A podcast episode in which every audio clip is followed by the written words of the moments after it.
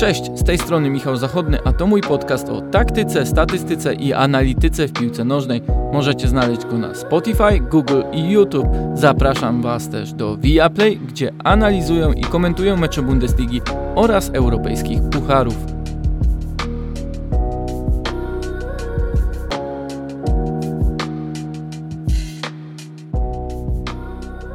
Wiele działo się w zimowych transferach, e, nie tylko w Premier League, oczywiście sporo z udziałem Newcastle United, e, ale i dwóch klubów z północnego Londynu.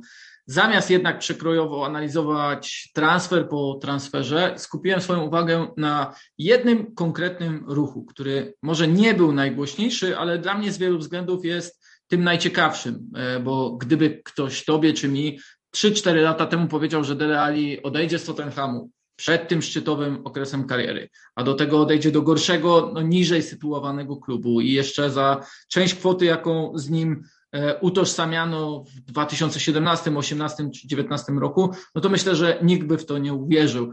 Oczywiście też, że e, w tym czasie sporo się zmieniło i w samym Tottenhamie, i w karierze Anglika, samej lidze, może nawet sposobie grania, postrzeganiu jego roli i potencjału. Dlatego to Dele Ali będzie bohaterem tego odcinka, w którym porozmawiam z Jackiem Staszakiem, który oprócz tego, że jest kibicem Tottenhamu, to też uważam ma przekrojowe, analityczne spojrzenie na futbol i zdecydowanie pomoże w uzupełnieniu tego obrazka transferu piłkarza, jego przeszłości i przyszłości.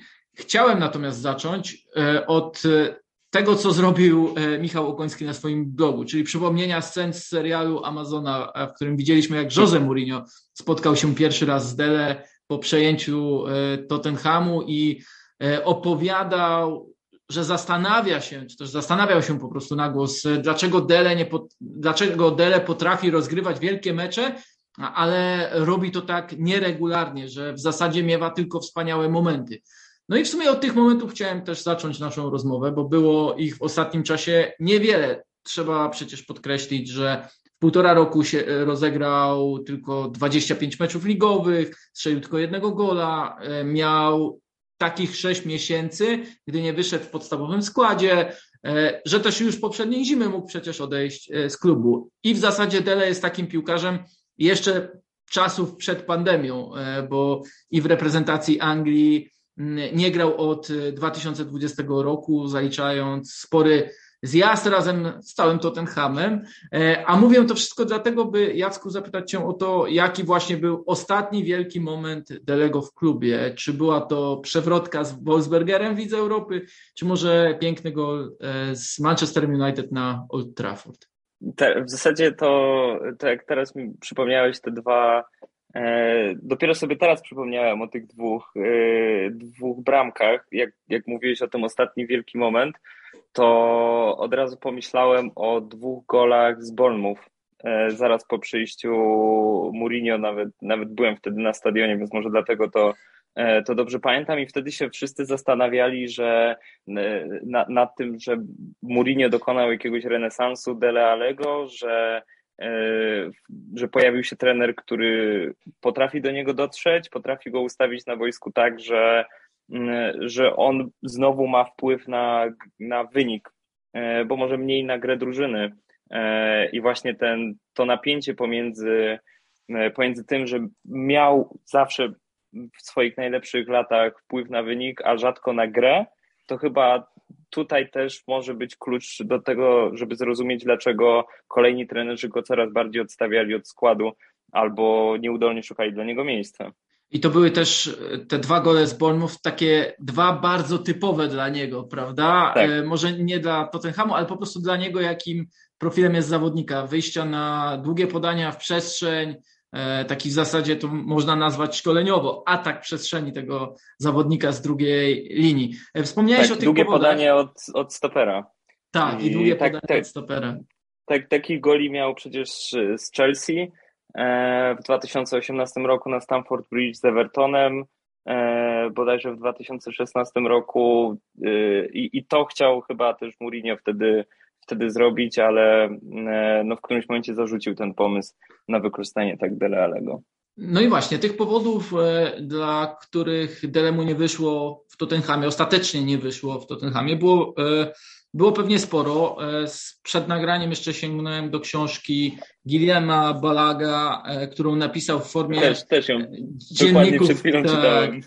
Mauricio Pochettino. Nie wiem, który fragment ty czytałeś. Ja zajrzałem na sam koniec, gdzie są krótkie wypowiedzi spisane oczywiście zawodników, tak. między innymi Dele, który mówi, to w zasadzie najbardziej mnie taka zastanawiająca, czy też najbardziej e, ciekawa dla mnie historia, gdy Pochettino raz zauważył, jak Dele chodził po klubie pochmurny, niezadowolony, z głową w dole, e, wziął go na stronę i powiedział mu, że od jego nastawienia zależy też przecież atmosfera w klubie, podejście innych, że to takim negatywnym nastawieniem może innych zarażać. I to mnie zaczęło nawet zastanawiać, czy nie jest tak, że może kolejni trzej trenerzy po prostu nie mieli tego typu takiego personalnego podejścia, mm, bardziej powiedziałbym nakierowanego na optymizm, bo i e, Nuno jest raczej pochmurną postacią, nie mówiąc o Mourinho, e, a i Conte sprawia wrażenie szkoleniowca, który oczywiście potrafi budować relacje, podobnie jak Portugalczyk, ale mm, powiedziałbym, bardziej na takich burzliwych emocjach niż tylko uśmiechu e, czy coś w tym stylu. Tak, znaczy e, to też e, powiedziałbym, że każdy z trenerów miał większe problemy niż wkomponowanie Derealego i, i sprawienie, żeby się ten uśmiechnął, bo też wielu innych piłkarzy schodziło z taką zwieszoną głową w dół, E, zapewne też gdzieś na górze Daniel Lewy też był niezadowolony i każdy z trenerów musiał e, wiele różnych, w wielu różnych miejscach doprowadzić do tego uśmiechu e, i wydaje i też w Harem Kane'ie na pewno, żeby, żeby się i przez to się nie martwili o aż tak bardzo Dele Allego. Pochettino miał ten przywilej, że wszystko wydawało się być w Tottenhamie zmierzać w dobrą stronę i można było się skupić na tym, e, na tym Dele, żeby, żeby mu tłumaczyć, bo rzeczywiście Dele był e, na, na, na samym początku był taką, e, taką pozytywną iskierką i on też był twarzą tego młodego Tottenhamu, który gdzieś zaczyna rosnąć i tak samo potem stał się twarzą Tottenhamu, który zaczął gasnąć. No to właśnie nad tym gaśnięciem na, na razie bym się zatrzymał i o nim podyskutował. Później wracając do tego wszystkiego e, pod takim roboczym tytułem Kim Dele Ali jest jako piłkarz. E, mhm. Kto twoim zdaniem zawiódł najbardziej w tych ostatnich trzech latach? Czy to jest wina klubu, samego piłkarza, szkoleniowców konkretnych?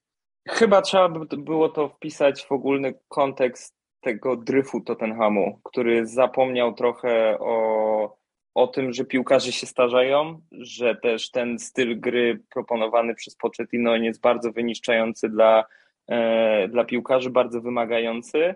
I to, co powodowało, że jeżeli się spojrzy na te najlepsze sezony e, Dele Allego, to on tam miał przed sobą Keina, e, który nie miał takich aspiracji, jakie ma teraz, żeby cofać się po piłkę, rozgrywać, więc był takim tym punktem odniesienia dla całego zespołu w ataku. Był takim typowym napastnikiem.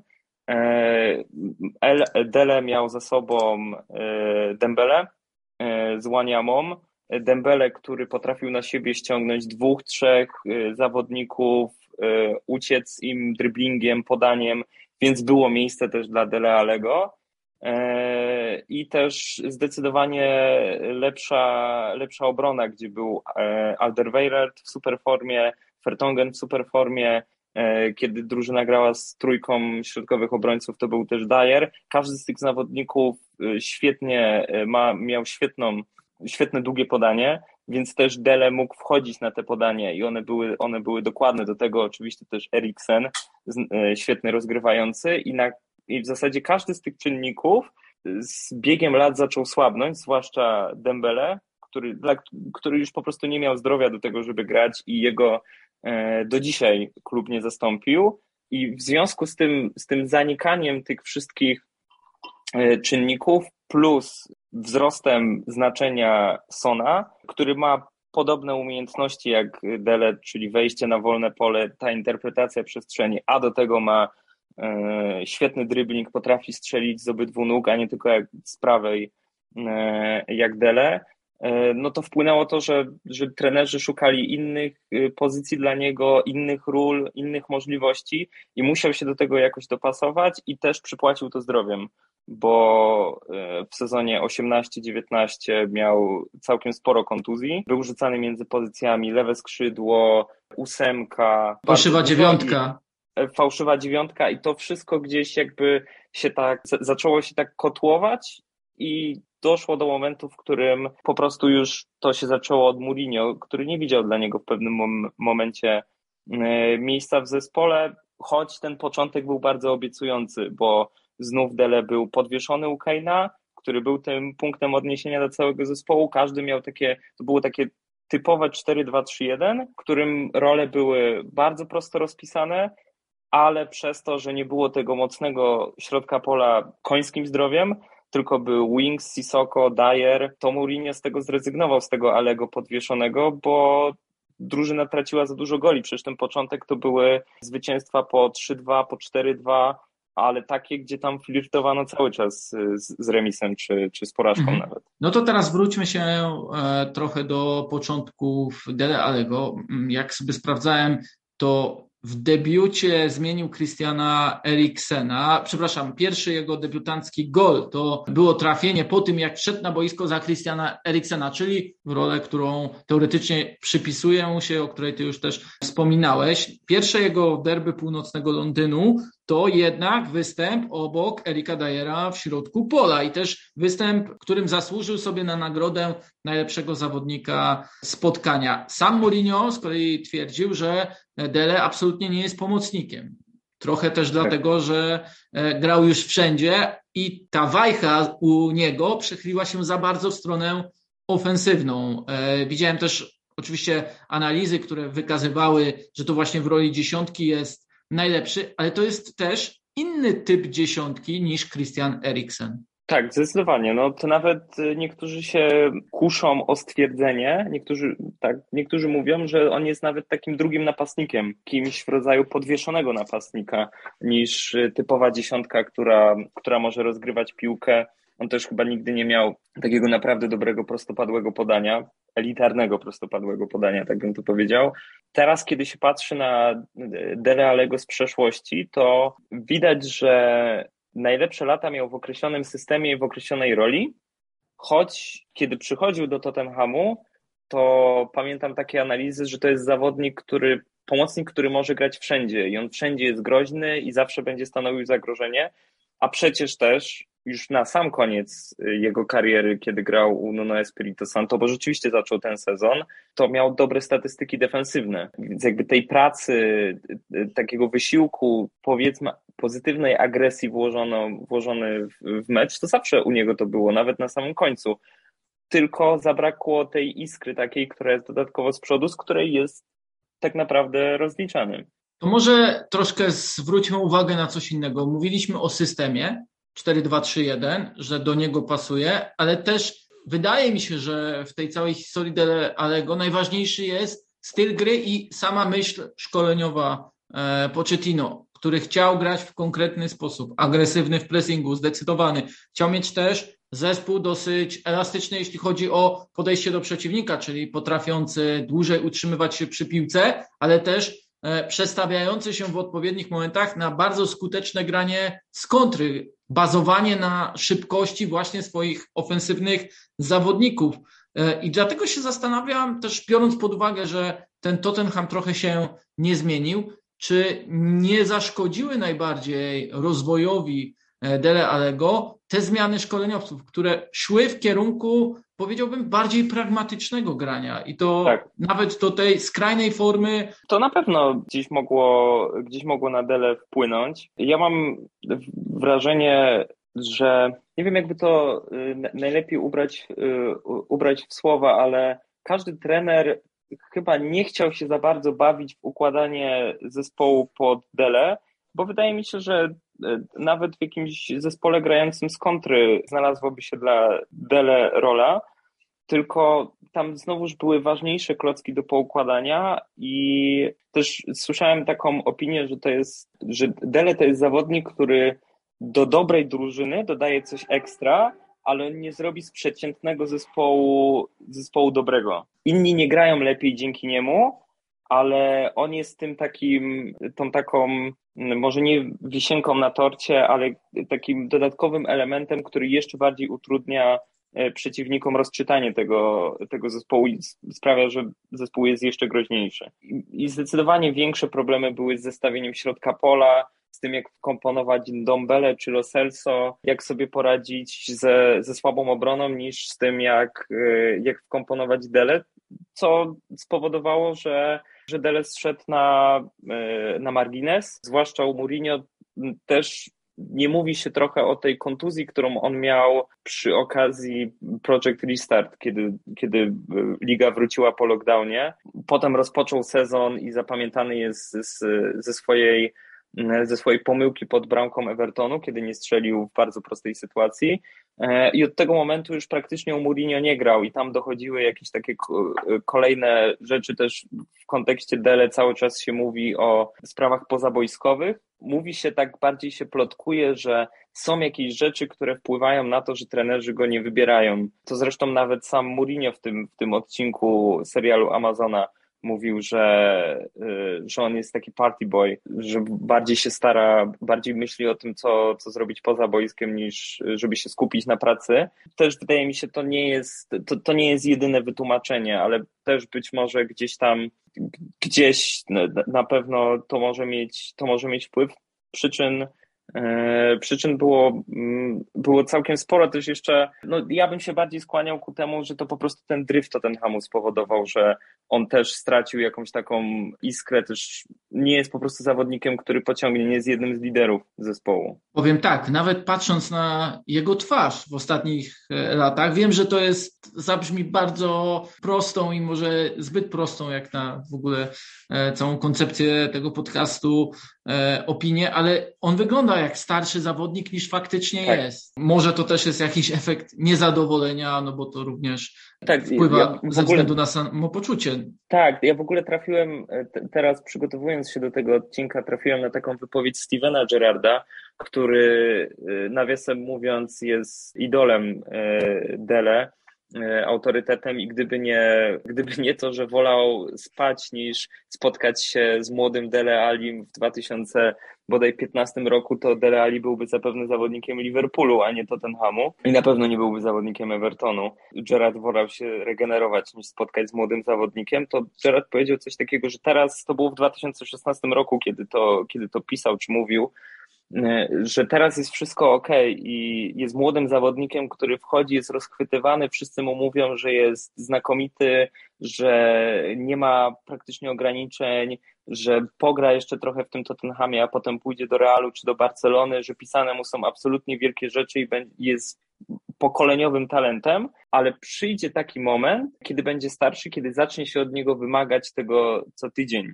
Kiedy skończy się już ta aura nastolatka, bardziej okrzepnie w Premier League, bardziej dojrzeje i zacznie się od niego wymagać i będą też kontuzje i nagle zaczną się, zaczną się problemy. I to w zasadzie te sześć lat temu napisane słowa stały się prorocze, bo dokładnie dokładnie tak to wygląda u Dele Allego i też trenerzy z, z MK Dons, kiedy, którzy są pytani o to, co się dzieje z Dele Alli, mówią, że on stracił jakąś taką ikrę. Widać to po nim, że to jest zupełnie inny, inny zawodnik. Przez moment u Mourinho na samym początku wydawało się, że wrócił ten stary Dele, Dele Alli, ale szybko okazało się, że, że tak się nie stało że dłuższym, w dłuższej perspektywie ten zawodnik po prostu gaśnie. To ciekawe, bo e, u Balaga właśnie w książce on się również wypowiada, e, czy też przypomina sobie sytuację, gdy w Anglii toczyła się dyskusja, że Dele Ali gra zbyt ostro, zbyt agresywnie, że zbyt często wchodzi w ślizgiem, że dodaje coś ekstra w tych e, starciach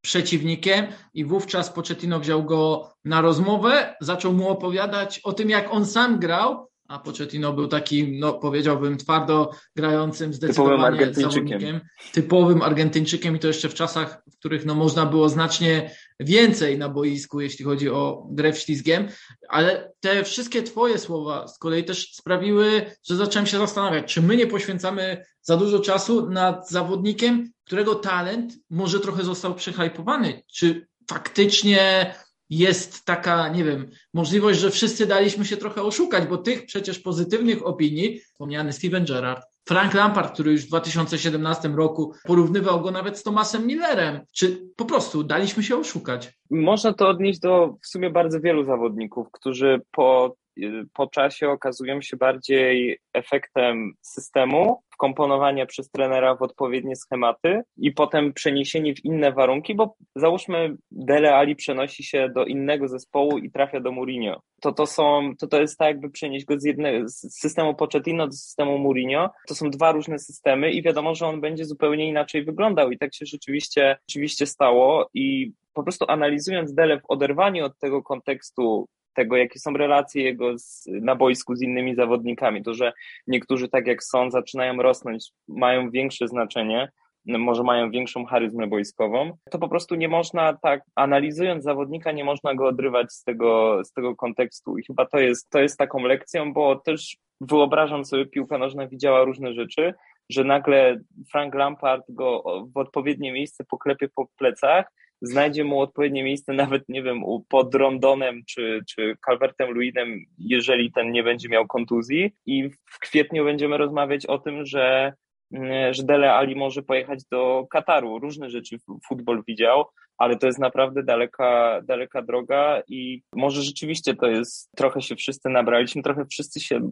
nabraliśmy może na to, że u Pochettino każdy z zawodników wygląda lepiej, tak jak może to jest taka historia jak u Jurgena Kloppa, że po odejściu od Kloppa zawodnicy gasną i nagle się okazuje, że on po prostu wycisnął z nich, z nich wszystko. Ten Dele jest wciąż jeszcze na tej krzywej wznoszącej, ale on jest zawodnikiem, który gra w Premier League od 17 czy 18 roku życia że może on już jest właśnie po swoim prime i to, i to zaobserwujemy. No, zobaczymy, to jest na pewno, to na pewno będzie mm, ciekawy wątek do obserwowania Dele w Evertonie. Wiele sobie powiedzieliśmy o tym, co było, to teraz możemy pozwolić sobie trochę właśnie na takie teoretyzowanie o tym, co y, może być. Ty powiedziałeś, że Dele potrzebuje dokładania zawodników do niego, y, żeby go wykorzystać w 100% tak dobrze, że on nie może być takim uzupełnieniem danego stylu gry. Co byś w ogóle w kontekście budowania taktyki Evertonu, stylu gry, systemu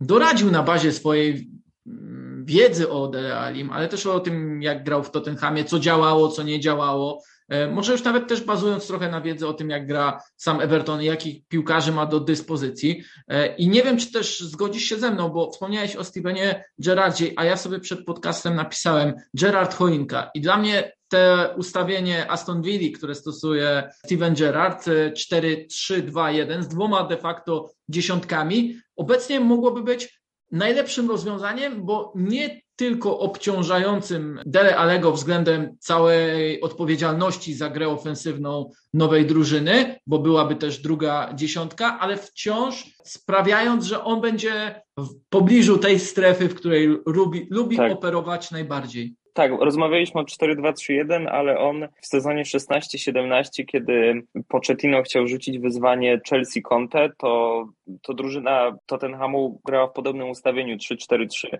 z dwiema dziesiątkami właśnie, gdzie był Eriksen i, i Dele i to też rzeczywiście u, w Aston Villa byłoby podobnie. Tak naprawdę to Aston Villa byłaby teraz dla niego najlepszym klubem i ja bym na drugim miejscu może postawił Brighton, a na trzecim miejscu teraz tak z, z głowy Brentford ale nie postawiłbym Evertonu, bo jeżeli Tottenham był w ostatnich latach chaotycznym klubem, który dryfuje i który nie ma pomysłu na siebie, który przy, y, mm, dokonuje złych transferów, no to co powiedzieć o Evertonie, który dokładnie to samo. Everton jest spłukany, oni kupili Dele Allego, ale na razie za zero funtów i jeżeli ten rozegra 20 meczów, a to się stanie dopiero w przyszłym sezonie, to wtedy, to wtedy Everton będzie musiał zapłacić. Zmienił się trener, który wydaje mi się będzie miał kompletnie inny pomysł na y, drużynę niż Rafa Benitez, Wydaje mi się, że Lampard postawi na większą ofensywę, co na pewno mm, spowoduje, że Dele będzie częściej miał okazje strzeleckie i być może dzięki temu, że będzie strzelał bramki, bo wydaje mi się, że potrafi to robić. I, i te bramki go definiują też bardziej niż tak, asysty. dokładnie.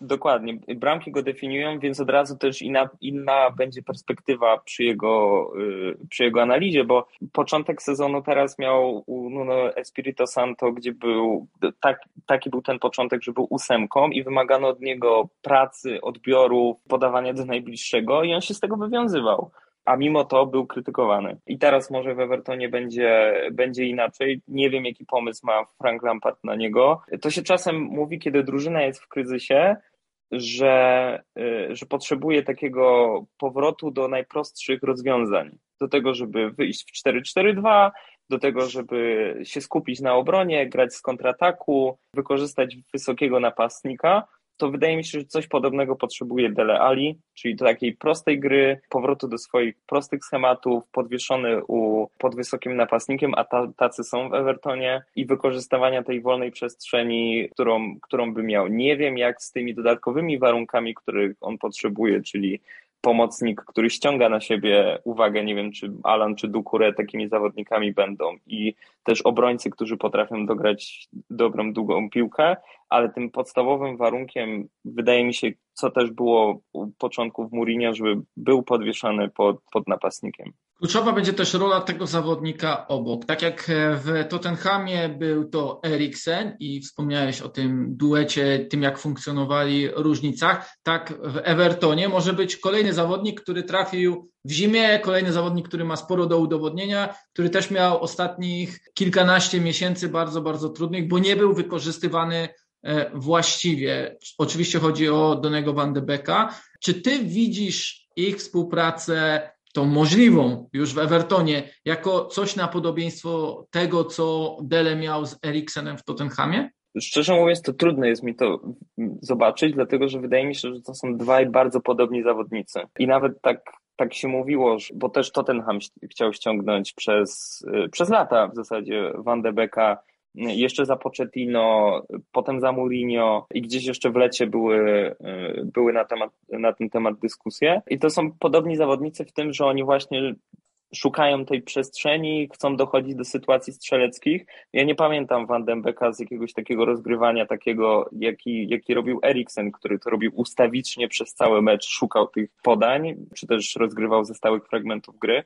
I jestem bardzo ciekaw, jak to będzie chciał robić Lampard. Być może będzie próbował to zrobić e, tak jak Gerard w Aston Villa, czyli choinką, czyli obydwu ich ustawić. No, po to, po to ściągnął tych dwóch zawodników i bardzo ich chciał i Everton mu ich ściągnął w, e, praktycznie w jeden dzień obydwu, więc zobaczymy jak to będzie wyglądało. Też do tego dochodzi kwestia tego, że Lampard ma tego samego agenta, którego ma Dele, e, Dele Ali, więc oni być może już się znają wcześniej. E, mam nadzieję, że to nie jest zagrywka taka, żeby dać zarobić agentowi podwójnie przy tej transakcji, bo przecież takie sytuacje futbol doskonale zna, tylko że Lampard rzeczywiście ma na niego pomysł, wie, wie jak wykorzystać Alego i jak to połączyć z Van de Beckiem, żeby to nie było tak, że jeżeli się z jednym nie uda, to może się uda z drugim. To wreszcie kończąc, czy uważasz, biorąc pod uwagę przede wszystkim to, jak obecnie wygląda Manchester United i że odchodzi od tego pomysłu oparcia swojej gry wyłącznie na Bruno Fernandesie, że trochę już nie ma miejsca na tego typu zawodnika, na tego typu dziesiątkę. Premier League zwłaszcza, ale i w reprezentacji, bo przecież nie ma drugiego takiego piłkarza Gareth Southgate i patrząc na to, jak ostatnio rozwija się jego drużyna, to niekoniecznie potrzebuje może tak być. No też e, rozgrywanie przenosi się na skrzydła i, i widać to widać to w Liverpoolu, który nie ma, nie ma typowych e, takich rozgrywających w środku pola.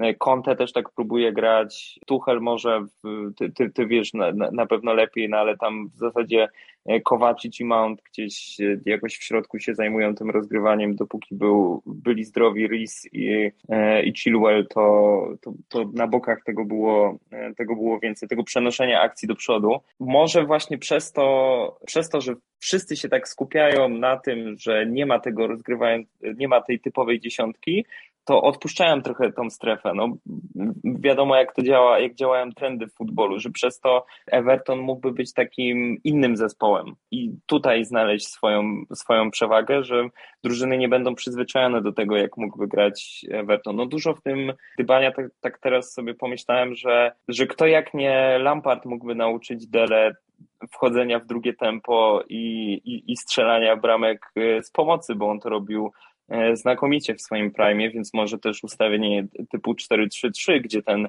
e, gdzie tak stosując nomenklaturę z football managera, Ali byłby ten środkowy pomocnik z nastawieniem ofensywnym i, i, i coś takiego by to, tak by to mogło wyglądać. No i też w tym względzie zdecydowanie poprawił grę Masona Mounta jeszcze w Chelsea, bardzo bardzo specyficznie i też detalicznie pracując właśnie nad tym elementem.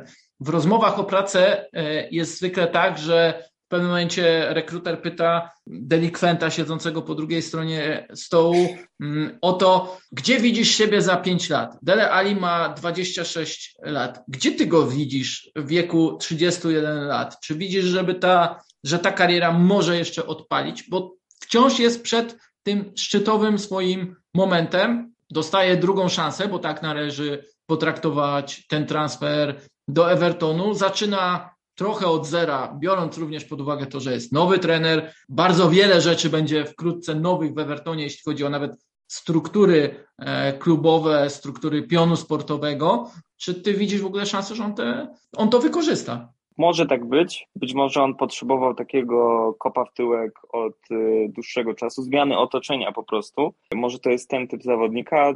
Jak teraz tak, tak mówisz, gdzie on może być za 5 lat, on może być za 5 lat gwiazdą Manchester United. On może za 5 lat wciąż zostawać w Evertonie y, albo w klubie pokroju Evertonu, a może też skończyć karierę, bo już nie będzie, bo uzna po prostu, że futbol nie sprawia mu żadnej radości i, i, nie widzi w tym, nie widzi w tym żadnej, żadnej swojej drogi. Też tak może, może być. Rozmawialiśmy o tym, że on jest taki przygaszony, że po prostu nie widać w nim takiej, takiej iskry, że on gdzieś po prostu wykonuje swoją pracę i tyle. Więc jak najbardziej za realny, aczkolwiek nie najbardziej prawdopodobny widzę ten scenariusz, że on po prostu już nie będzie grał w piłkę. Jeśli spodobał Ci się ten odcinek, to zachęcam do subskrypcji moich kanałów, zostawienia komentarza, polubienia lub podania dalej podcastu. Dzięki i do usłyszenia.